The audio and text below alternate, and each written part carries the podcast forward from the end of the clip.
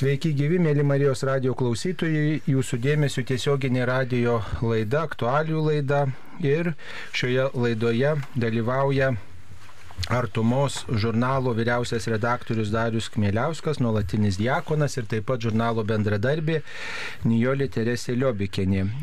Sveiki gyvi. Labas, sveiki.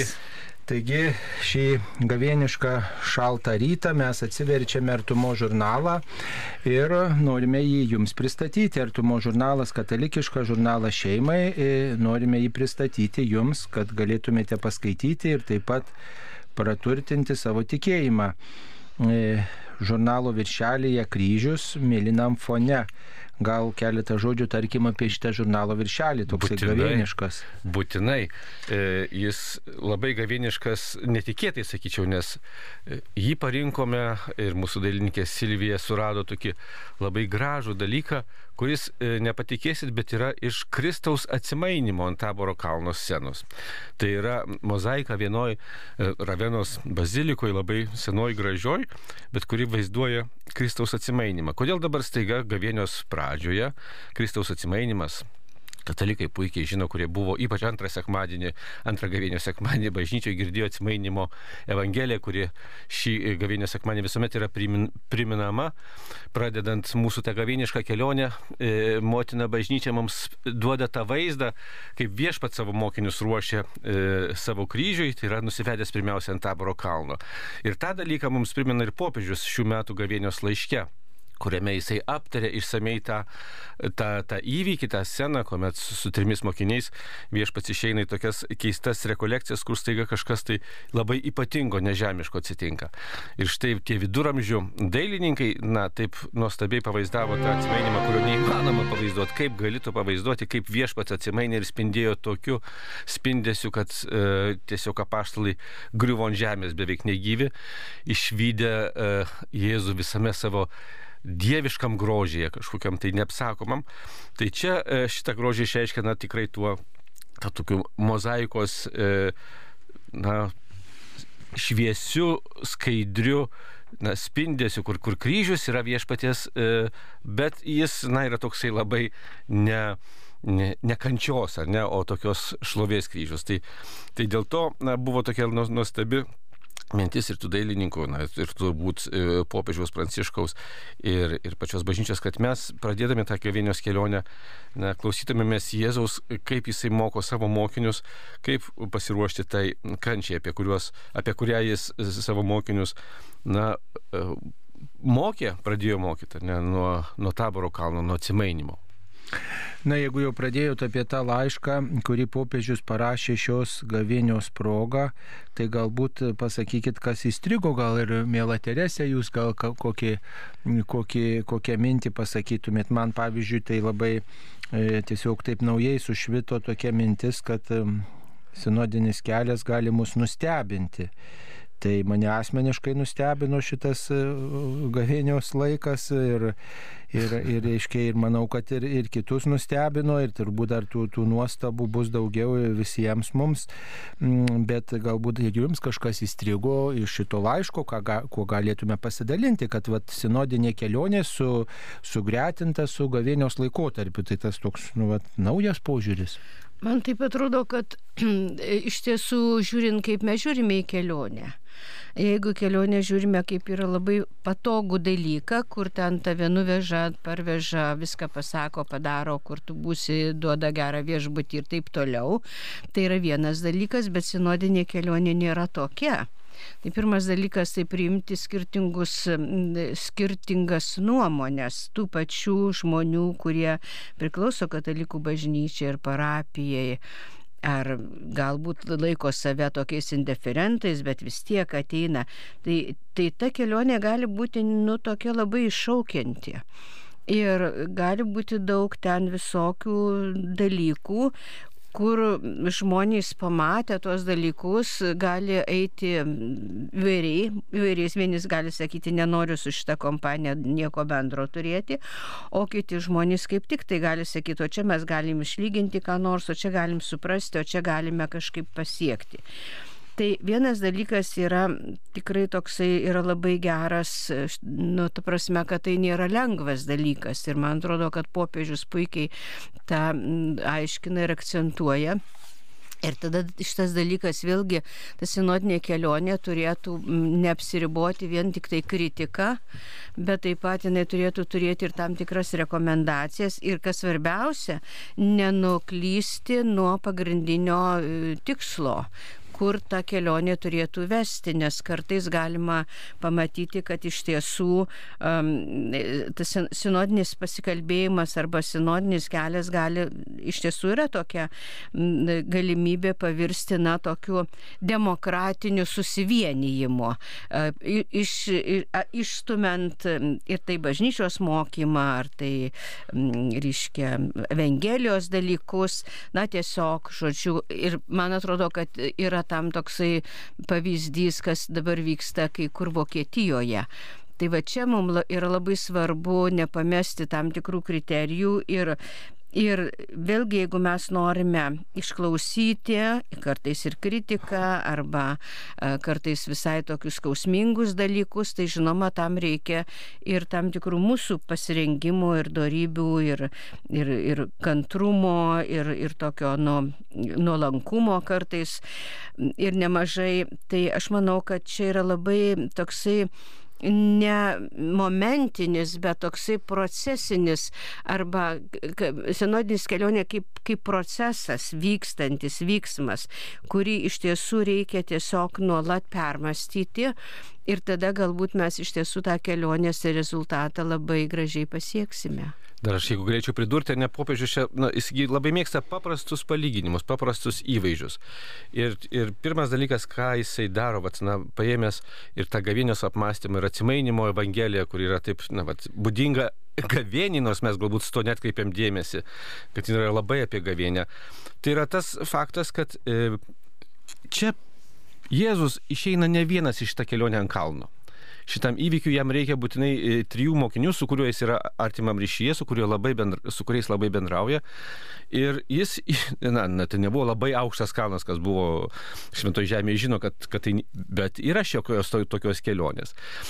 Ir popiežiaus sako, taip ir mūsų sinodinė kelionė pirmiausia yra kelionė ne po vieną, ne asmeniškai, ne užsidarius mes einam į kalnus kartais arba sportuojam, kur nors žinai prakaituojam tam, kad užsiaugintumėm raumenis. Ne, čia yra svarbiausia, kad jie išėjo drauge ir jie eina ir e, komunikuodami. Sako, taip ir su ta sinodinė kelionė, tai yra, jinai turi prasmės, na, jau, jau pats žodis čia šimtus kartų kartuota, kad sinodus, ar ne, tai yra bendra kelionė, tai yra mūsų bendrystė keliaujant. Tai sako, tai yra jau mums irgi labai svarbus ženklas, kad į tokią svarbę kelionę Jėzus pasiema ten tos mokinius ir jie eina kartu. Ir toj kelioniai, na, turbūt irgi labai praktiškai, ne, nežinau, ar jūs esate girdėję, ar ne, aš e, jauniems žmonėms girdžiu, kaip kas nors palink ir, ir, ir pats to palinkiu, nors pats negalėjau to išgyventi, kad sako, draugaudami ypač jeigu vaikinas su mergina draugauja ir, ir labai rimtai draugauja, jiems labai patiria išeiti kelionę ir geriausiai į kalnus. Kur nors, kur yra šiek tiek išbandymo kur yra šiek tiek sunkumų. Ne, nes tuose išbandymuose ir sunkumuose, netikėtose įvykiuose tu tikrai pažinsi vienas kitą labai gerai ir tuomet tikrai e, galėsi suprasti, ar mes galim išeiti į ilgą gyvenimo kelionę. Tai ir šita prasme, na, vat, e, šitas keliavimas, kur tu esi atviras iššūkiams, atviras išbandymams, atviras pamatyti kitą, išgirsti kitą ne, ir, ir nebijot pasirodyti pats, tai yra, na, toks paprastas eilinį kartą tas popiežiaus palyginimas. Ir įtraukimas e, šito na, taboro kalno atsimainimo e, įvykio į ne tik į gavėnios, bet ir į mūsų sinodo kelionę. Nežinau, aišku, kas nustebino kunigas Saulių e, tame, bet aišku, mes žinom, kad jis išgyvena šiaip šitą gavienę labai įspūdingą ir ypatingą. Ir, ir, ir jo akis, matau, yra nukrypęs jau į kitą e, puslapį, kur, kur yra tėvo Žeraro toksai laiškas dar prieš daug metų ir iki sinodo rašytas ir kuris būtent e, apie, apie tai, kaip reikėtų mums bendraut, pasauliečiams, dvasininkams, kunigams, hierarchams ir kaip kreiptis į vienas kitą. Ar, ar šitas e, na, tekstas jums kunigė Saulio pasirodė irgi vertingas ir įdomus ir ką jūs apie jį galvojot. Tai čia tėvas Žeraras, reikia Marijos radio klausytojams priminti, yra benediktinų vienuolis iškeliavęs pas viešpatį prieš daugiau kaip metus laiko. Ir jis daugeliui buvo toks autoritetas, dvasinis palidėtojas viskupams, kunigams ir, ir daugelis pasauliečių važiavo pas jį patarimo, tai jo tokia mintis yra, kaip kreiptis į vyskupus, kad, reiškia, tai yra tėvas, tai yra ganytojas ir, ir tikrai gražus tas žodis. Aš, pavyzdžiui, labai mėgstu į vyskupus kreiptis ganytojau, man tie visi tokie titulai kiti kažkaip atrodo tokie labai nu, kaip gremėsdiški ir tokie negyvi ir kvepiantis, nu, to santykio tolumu. Tai, tai, mm, tai tėvas ir ganytojas man tokie draugiškesni, tai artimesni būtų. Tai va. Ir tėvas Žeraras apie tai kalba šiek tiek, tai ir, ir Vatika, antrojo Vatikano susirinkimo dokumentai taip pat irgi kalba, kad ganytojai, viskupai yra tarnai ir geri ganytojai turi būti, žodžiu, pažinti savo avis ir jomis rūpintis. Tai, tai čia tiesiog į tą pačią temą. Aš tai... išduosiu tik tai, kad na, vat, tai buvo mūsų pokalbio su tėvu Žeraru prieš septynetą metų, jau šiek tiek daugiau na, objektas jau ir, ir tada e, na, kalbėjo apie tuos dalykus, apie kuriuos paskui vat, dabar ir, sinodas pradėjo kalbėti, ar ne dar intensyviau apie, apie mūsų tarpusavio santykius viduje bažnyčios, tarp, tarp dvasininkų, pasauliečių, tarp kunigų ir viskupų. Ir, ir, ir jis tada sakė, kad na, terminas ekscelencija toks yra na, senoviškas, barokinis, pareinantis e, iš tam tikros aplinkos ir kad jisai galbūt trukdo vat, tam tam irgi santykiui tokio tėvystės ar ne, ir tokio artimo šeiminio ryšio. Ir tas buvo jo pasiūlymas, na, bet e, galbūt irgi pereiti ir jis labai smagiai vat, apžaidė, nors e, tėvas Žeraras labai irgi nemėgo išeiti į viešumą, nemėgo, na, vat, nes aš norėjau irgi tuomet padaryti su juo interviu, pokalbį apie tai. Bet jis labai na, e, pasikuklino ir tiesiog sakė, ne, ne aš. Bet paskui man parašė laišką e, apie tai ir, ir dabar, na, tiesiog pamačiau, kad ir tas sinodinis kontekstas ir va, vyskupo Sauliaus paskirimas na, buvo labai laiku, kad, kad mes tiesiog pasidalintumėm, na jau tėvas Žeraras pas viešpatį, tai tikrai nemanau, kad pyks. E, kad mes vis tik tai iš, ištraukėm jį į, į dienos šviesą.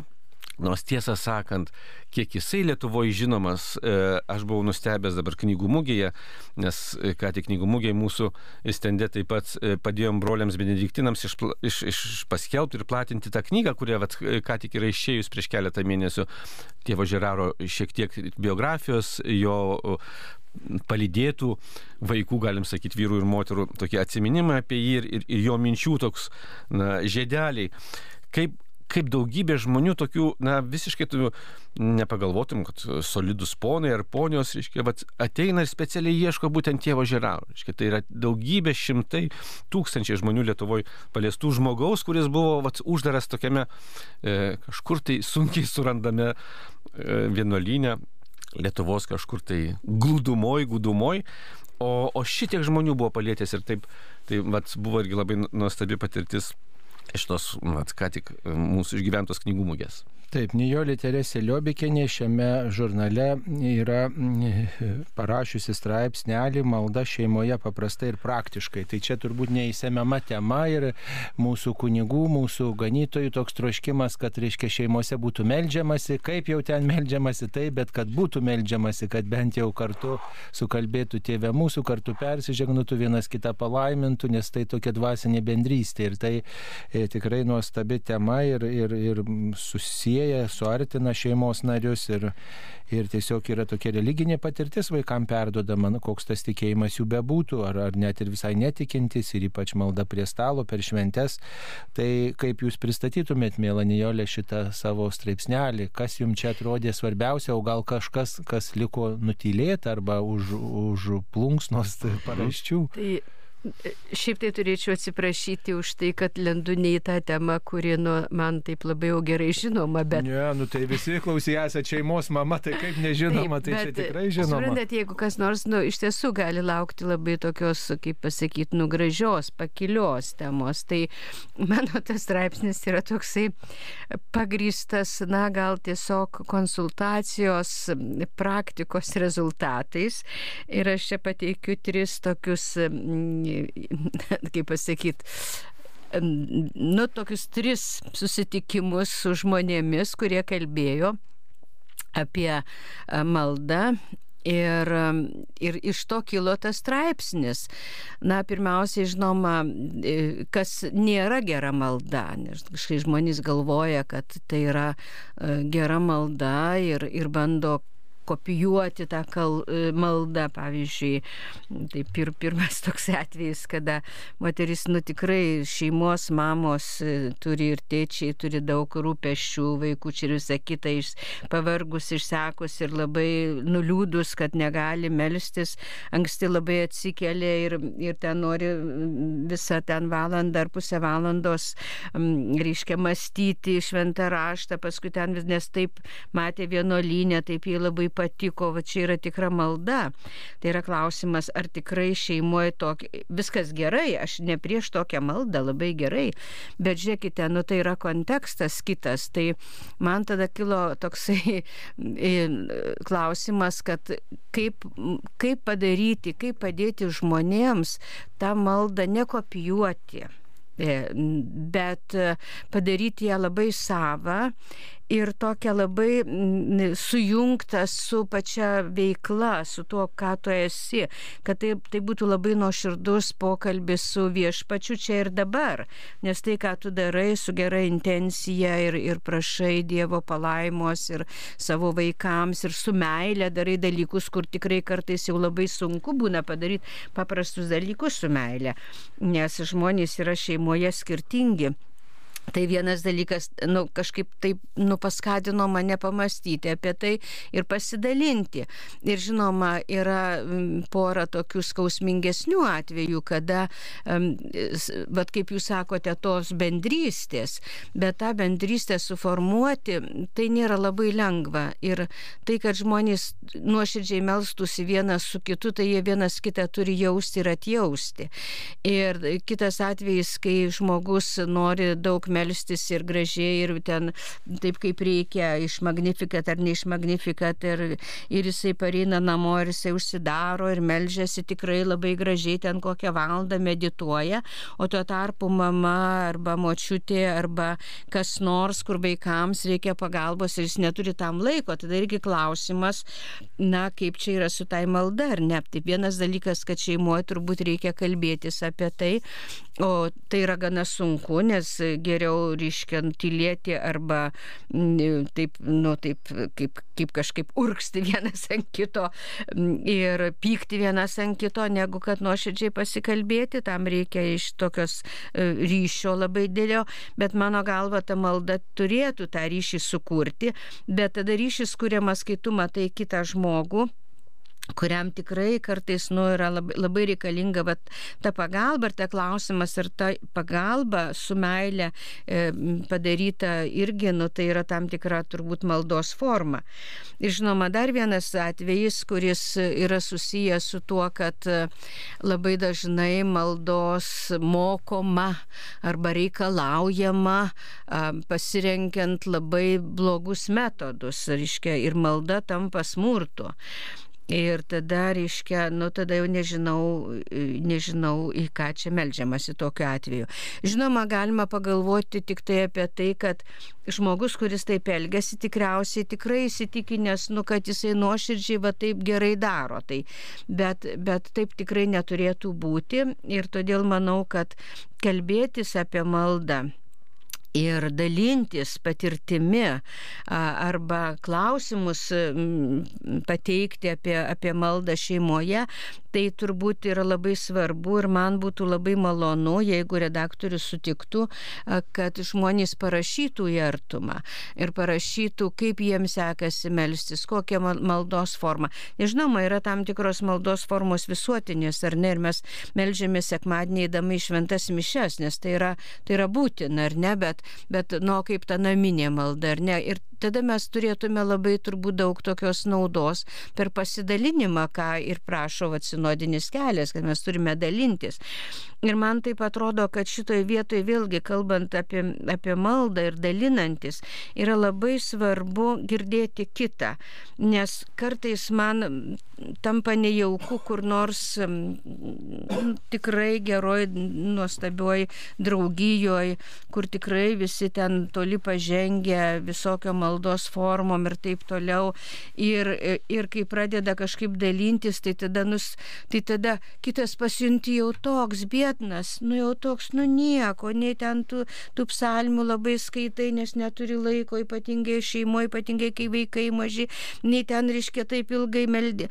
Ir, ir, tada, ir tada tarsi žinot, kaip sako, kad nu, tas mūsų sielų priešas jis labai moka pasinaudoti kitais dalykais. Ir tada taip toksai, o mes tai taip, bet, o taip mes kuriam tą. Ir tada kitas žmogus, kuris negali tiek skirti, kuris net ir nežino, kuris tai sako, Dieve, ačiū tau, arba gelbėk mane, arba mano vaikus šiandien globok ir tik tai tiek jisai turi laiko, pasijunta labai toks suniekintas, labai toksai, žinai, nu ką čia mes, žinai, nieko ne, ne, nesuprantam arba nesuprantam apie tą maldą. Tai man kažkaip mano toks lūkestis būtų, kad dalinimasis būtų tikras dalinimasis, bet tokio, nu žinai, vat, vieni ant aukštesnio laiptelio, kiti jau labai ant žemo.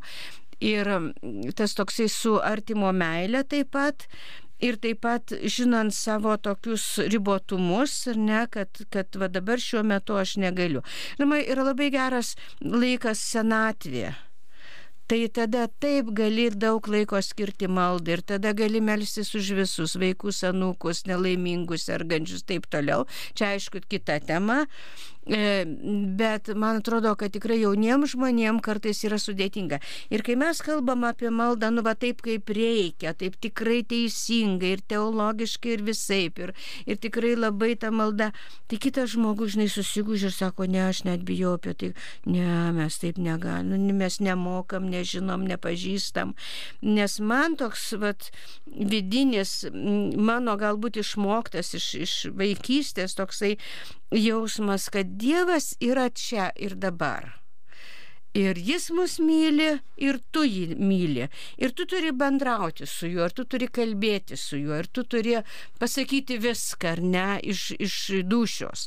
Aišku, nenuneigiant ir tų bendru, bendruomenės maldų, dalyvavimas bendruomeninėse maldose, kur, kur mes puikiai žinome, ar ne, dabar gavienė, tai gali būti ir kryžiaus kelias, ir graudus verksmai. Ir ypatingai šventos mišios, bet man toks, toks noras būtų ir man toks jausmas paskatinti žmonės dalintis apie tai. Ir tada vieni iš kitų mes galime labai daug išmokti. Man tai tokia mintis kyla, kad e, apie kokią maldą šeimoje galime kalbėtis, jeigu mes, e, kaip sakant, ginčijamės, baramės prieš tai, vienas kitai žydinėjom, tai kaip tada susėsti jau ar ten prie stalo, ar ten kambarį, ar prie paveikslų melstis. Tai jau čia tokia gilesnė intimumo forma, kur atrodo čia bus veidmainystė ir išdavystė, čia jau yra sienos didžiulės pastatytos, tai kaip aš dabar melsiuos, va, va dar jau pats esi šeimos tėvas, ar būna tokių atvejų, kad susirėja šeimoje ir dabar čia reikia melstis, apie kokią čia maldą kalba gali būti. O žinoma, jeigu mes esame irgi išdrįstame būti sąžiningi ir tiesus, ar ne, šeimoje ir pripažinti, tai tikrai galima atrasti, kad šitas klausimas, klausimas ypač katalikam, mane, kuri, tą, kuri turi tą sąžinės, net nesakyčiau priekaištą, bet tokį, ne, žadinimą, kad mes turim melstis, ne, kad, kad mūsų vis tiek yra ne tik asmeninė malda, bet ir su stoktiniu, ir su šeima yra labai svarbus dalykas. Ir aš be galo džiaugiuosi, kad, na, e, Milanijolė sako, čia redakcija sutiks, redakcija džiugauja, kad, kad ir, ir jūs pat ir straipsnėje prisipažįstate, ne, kad, kad jūs įkvėpėte tą sutoktinių porą iš, iš Junktinių valstijų, ar ne, kuri dalinosi vasarą tame pasaulio šeimų susitikime Vatikane ir, ir, ir savo patirtį, ir, ir, ir Amerikos, bet tokio netgi kongreso didžiulio aptarta su teologais, su ganytojais, su, su, su pačiais šeimos žmonėmis, e, tą namų bažnyčios klausimą, kad, kad tai taptų nebe retorinė figūra, ne tik dokumentuose, ar ne Jono Pauliaus šventojo, ar Vatikano antrojo susirinkimo dokumentuose, bet, bet realybė.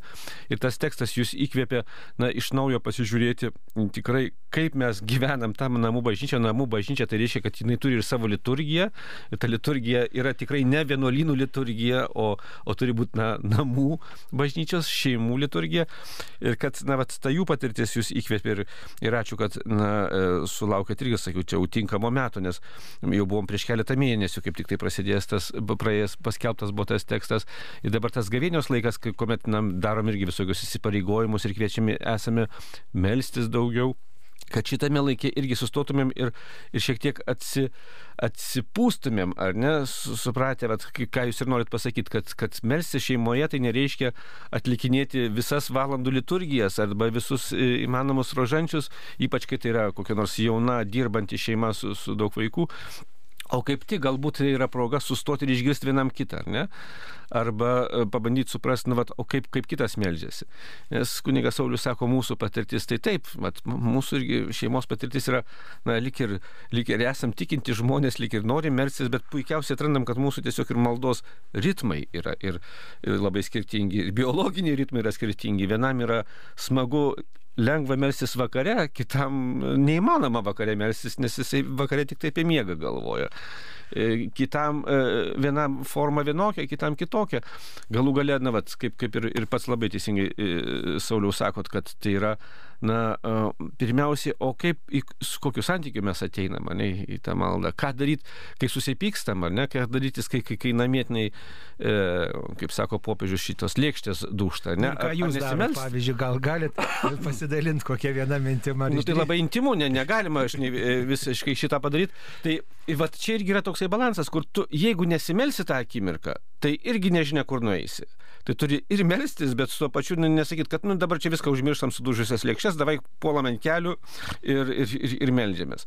Ta malda galbūt visai kitokia. Kiekvienas galbūt, nu, vat, savy šaukėsi Dievė padėk, nes aš nebežinau, ką daryti, ar ne?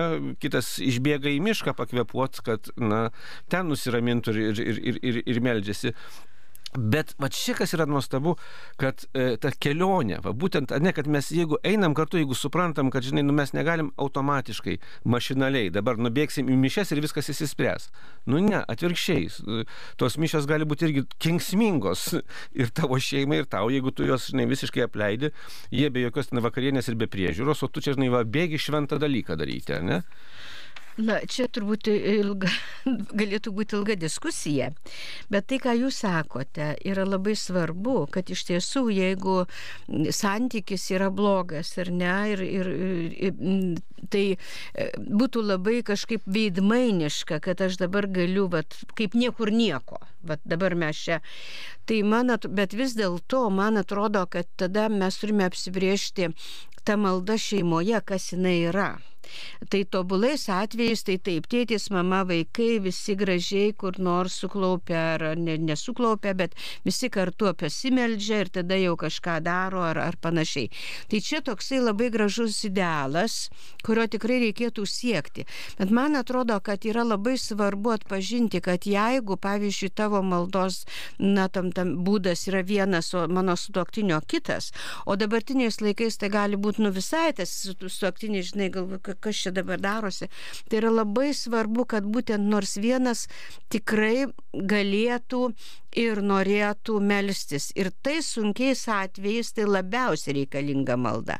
Čia žinot, kaip kartais vad būna m, mm, tiesiog yra tokiu atveju buvę jau prieš keliasdešimt metų, kad, iškia, chirurgas operuoja, ar ne, ir kažkokia labai nenumatyta komplikacija. Arba anesteziologas sako, žinai, jau viskas, žinai, kažkas jau viskas, jau reikės gaivinti.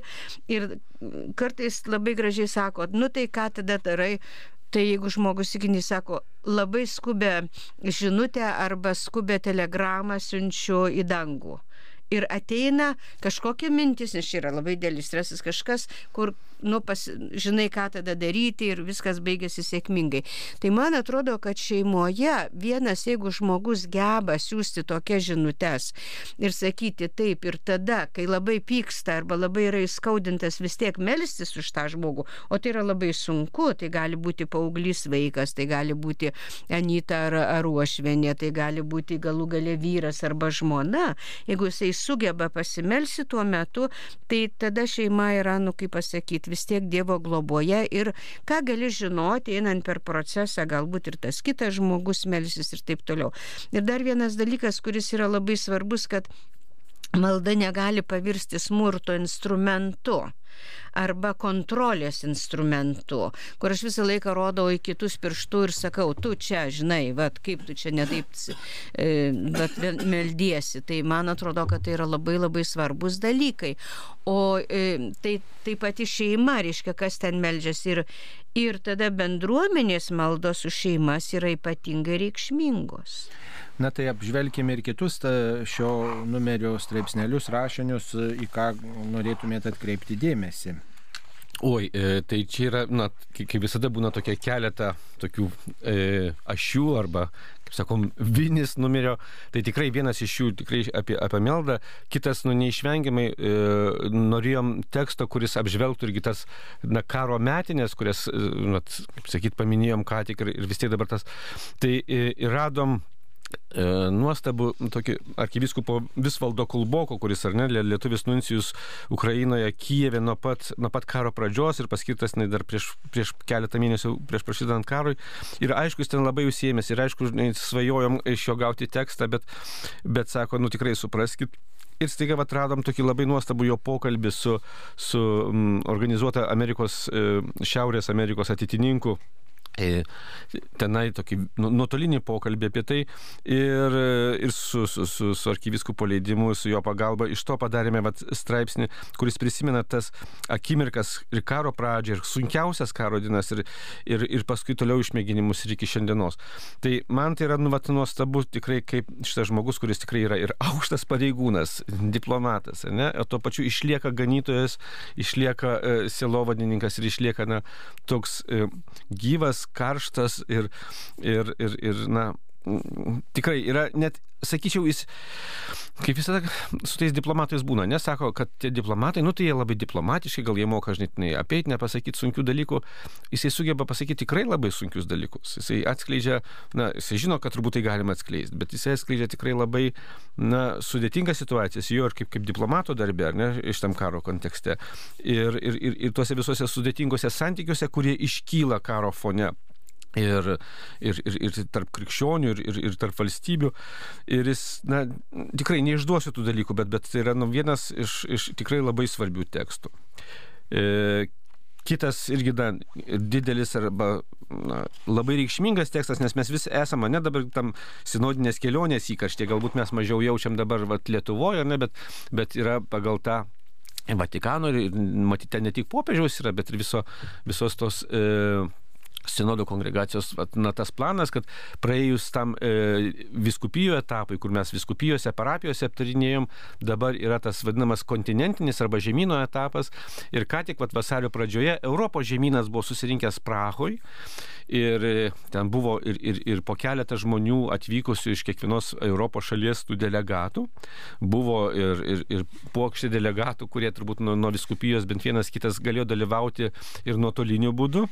Tai e, na, teko garbė ir laimė man irgi sudalyvauti nuotoliniu būdu. Ir e, kas buvo irgi labai, na, vienas iš tokių svarbių turbūt dalykų, kad e, parinkta buvo, kad toksai kunigas Tomas Halik, kurį ir, ir Tomo skaitytojai turbūt ir Lietuvoje jau šiek tiek žinom, nes ir Katalikų pasaulio leidikla yra išleidus bent jau vieną ar dvi jo knygas ir mes ketinam išleisti dabar tai, kas spausdinom artumoje. Labai įdomus kunigas, kunigas disidentas, kunigas, kuris na, tikrai yra intelektualas ir Prahoje garsėjantis kaip vienas tokių įspūdingiausių jaunimo selovadininko, akademinės selovados žmogus, kuris gavęs dabar ir tokias tarptautinės prestižinės premijas. Jis pakviestas buvo tokiai įvadiniai dvasiai masiniai tokiai konferencijai, apžvalgai, kad, kad vat, nu, tuos sinodinius žemynų apmąstymus padėtų daryti. Tai va tai tą e, išvertėm ir, ir, ir publikuojam tą visą jo įvadinį tekstą, tą jo žvilgsnį labai realistinį, kas, kas yra būdinga, va, irgi, nu, va, kunigui Tomui Halikui, galbūt irgi žmogui, va, iš tos disidentų kartos, ar ne, kuris labai drąsiai, kaip tada žiūrėjo realybėje akis, taip ir dabar labai drąsiai žiūri realybėje akis. Ir jis pradeda nuo to, sakydamas, tai, kad vat, e, pandemija ištuštino mūsų bažnyčias, mums buvo galbūt labai svarbus ženklas suprasti na, mūsų tą padėtį Europoje. Nes žinom, kad tos bažnyčios mūsų apytuštės dažnai ir ne tik pandemijos metu. Gal tai irgi mums yra vat, ženklas, kaip mes turim reaguoti, e, ką mes turim daryti bažnyčių tuštėjimo laikais. Ne kada jų e, nepanašu, kad staiga prisipildys, kaip mes turim keliauti vat, per, per, per šitą periodą, kad mes drąsiai turim žvelgti į, į tą situaciją, kurią turim. Tai va šitas tekstas, na, irgi gada ilgas, bet, bet manau, nu, labai vertingas ir, ir, ir būtinas pasigilinti, jeigu mes tikrai norim drąsiai e, žvelgti, mąstyti ir, ir, ir keliauti toj, toj tokioj sinodiniai kelioniai, kurią, kurią mus, na, va, popiežius ir tikim tikrai šventa dvasia kviečia, ne kad eitumėm labiau kalbėdamiesi. Na, paskui nežinau, jeigu čia dar kunigas e, Saulis dar nori, aš galiu pasakyti, bet kad man irgi labai svarbu ir smagu, kad, kad irgi tęsiasi tam tikros temos, kur mes visiškai, ne, nu, dabar jau net nenorėjom tęsti. Mums buvo svarbu va, tam sinodiniam kontekste na, aptarti, nes daugelį kilo na, moterų e, vieta, vaidmuo ar ne mūsų bažnyčios gyvenime. Ten turėjom porą publikacijų, bet dabar va, jos pasirodo turi poveikį ir, ir tęsiasi visai jau, jau be mūsų valius, nes va, sureagavo viena mūsų ištikima skaitytoja, e, tokia mėla Marija Stanku Saulaitė, lietuvaitė gyvenanti e, užsienyje pasaulyje. Ir ji mums vėl naujų kampų padeda pažvelgti į, na, į moters e, būseną ar vaidmenį ar, ar, ar, ar jauseną, kur irgi aš manau, kad daugeliu mūsų e, lietuvaičių ir vyrų, ir moterų tai gali nuskambėti keistai, bet labai verta susimastyti, ar ne? Nu, vat, kaip, kaip moteris jaučia, kaip moteris girdi, kaip moteris priima nu, daugelį tokių dalykų, kur mums atrodo, nu, kaip ir mes jų net nebepajaučiam, nebe, ne, nebematom, kaip, kaip kreipiamasi, kaip, kaip kalbam apie tai. Tai, tai man vat, smagu, kad, kad tai vis tik tai ryškiai rezonuoja žmonėse ir, ir Lietuvoje, ir, ir, ir net ne, ne Lietuvoje. Kaip ir kitas, pavyzdžiui, labai įdomus tekstas, kuris dabar ateina vėl čia iš mūsų Lietuvos, bet iš iš seselių benediktinių, su kuriamis mes dėka sesers Marijos, kuris, kuri pas mus jau kelinti metai darbuojasi redakcijai, nu, vat, benediktinių tokį aidą ir, ir seserys benediktinės pasiūlė labai įdomų tekstą, irgi, kuris na, labai įdomiai rezonuoja ir, ir su ta moterų tema, ir su ta sinodinė tema, tai yra iš viduramžių ateinantis personažas, tokia Mechtilda iš Magdeburgo. E, Kuri... Ne Matilda, bet Mechtilda. Mechtilda, taip. Lab, labai įdomus personažas ir iš vis labai įdomus judėjimas, kuriame jinai dalyvavo. Beginės tokios. Ne, mes tik girdėjom galbūt tą žodį, bet nežinom, kas tas yra. Tai nebuvo vienuolės, tai šiaip jau pagalvojau, kažkas labai panašaus, jeigu esate girdėję apie Šilavoto Davatkyną. Ne? Tai nežinau, ar Marijos radijas yra daręs e, Taip, laidų, ar tai, ne? Tai va, yra kažkoks toksai va, viduramžiškas variantas. E, Lietuvoje. Taip, Lietuvoje, kuris čia ką tik irgi buvo per, per 20 amžių, ne, per, per sovietmetį net išgyveno. Ten, aišku, buvo kitokios sąlygos, bet irgi buvo moteris pasaulietės ir paskui ta Mechtildė jau vėliau glaudėsi prie, prie benediktinių.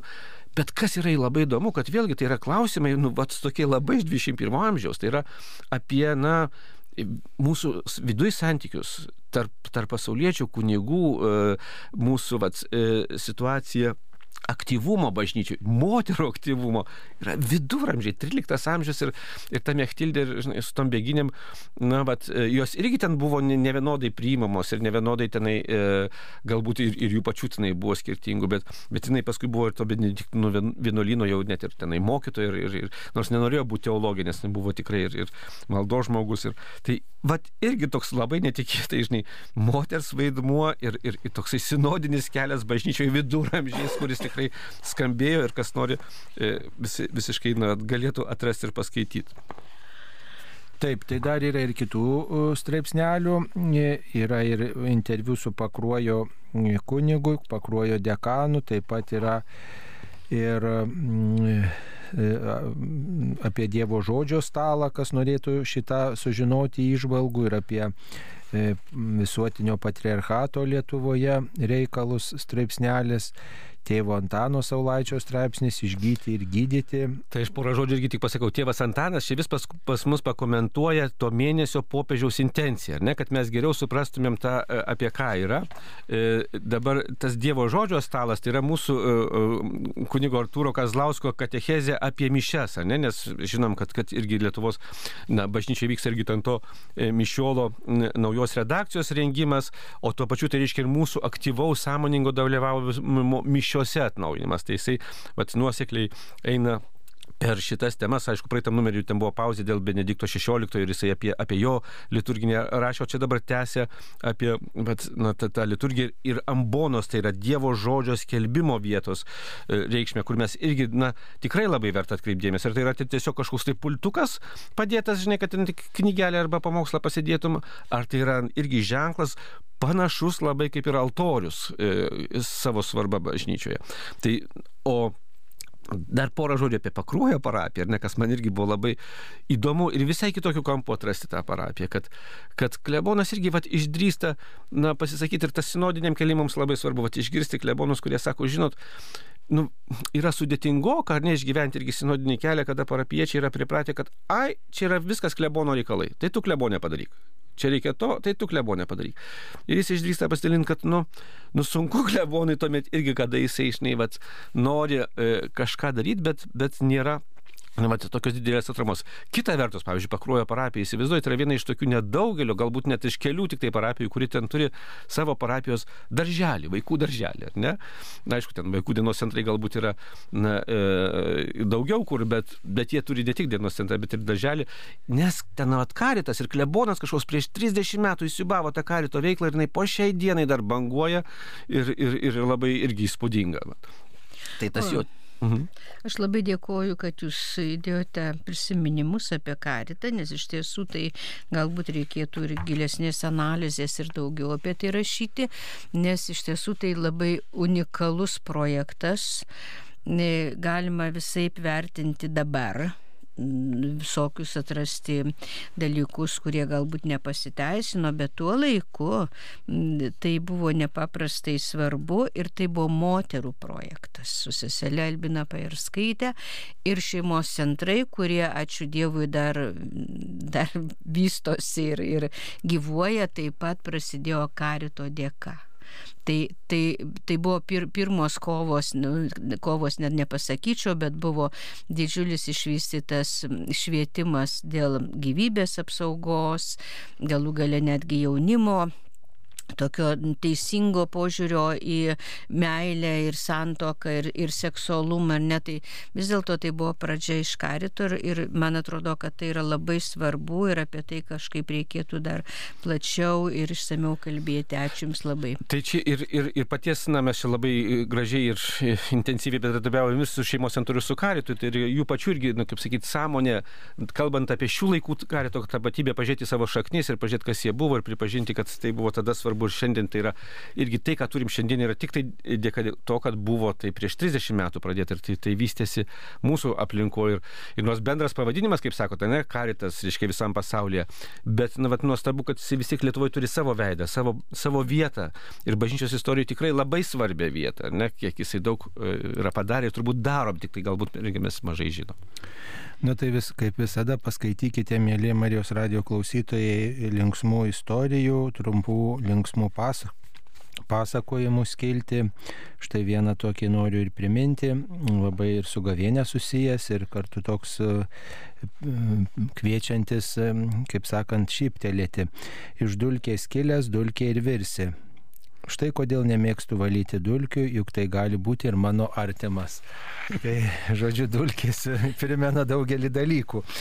Taigi kviečiame skaityti žurnalą Artuma, gavienišką numerį ir patirti tokį tikėjimo atsinaujinimą, susipažinti, pagilinti savo tikėjimą ir padovanoti draugams. Gal net ir gyvenimo atsinaujinimą, ne? Taip, šioje laidoje dalyvavo Artumo žurnalo vyriausias redaktorius, nuolatinis diakonas Darius Kmiliauskas, taip pat nu, žurnalo bendradarbinė Nijolė Teresė Liobikienė, taip pat laidoje dalyvavo aš, kuningas Saulis Bužauskas, neseniai paskirtas Kauno arkivyskupo talkininkų ganytojo tarnystėje. Ačiū sudė.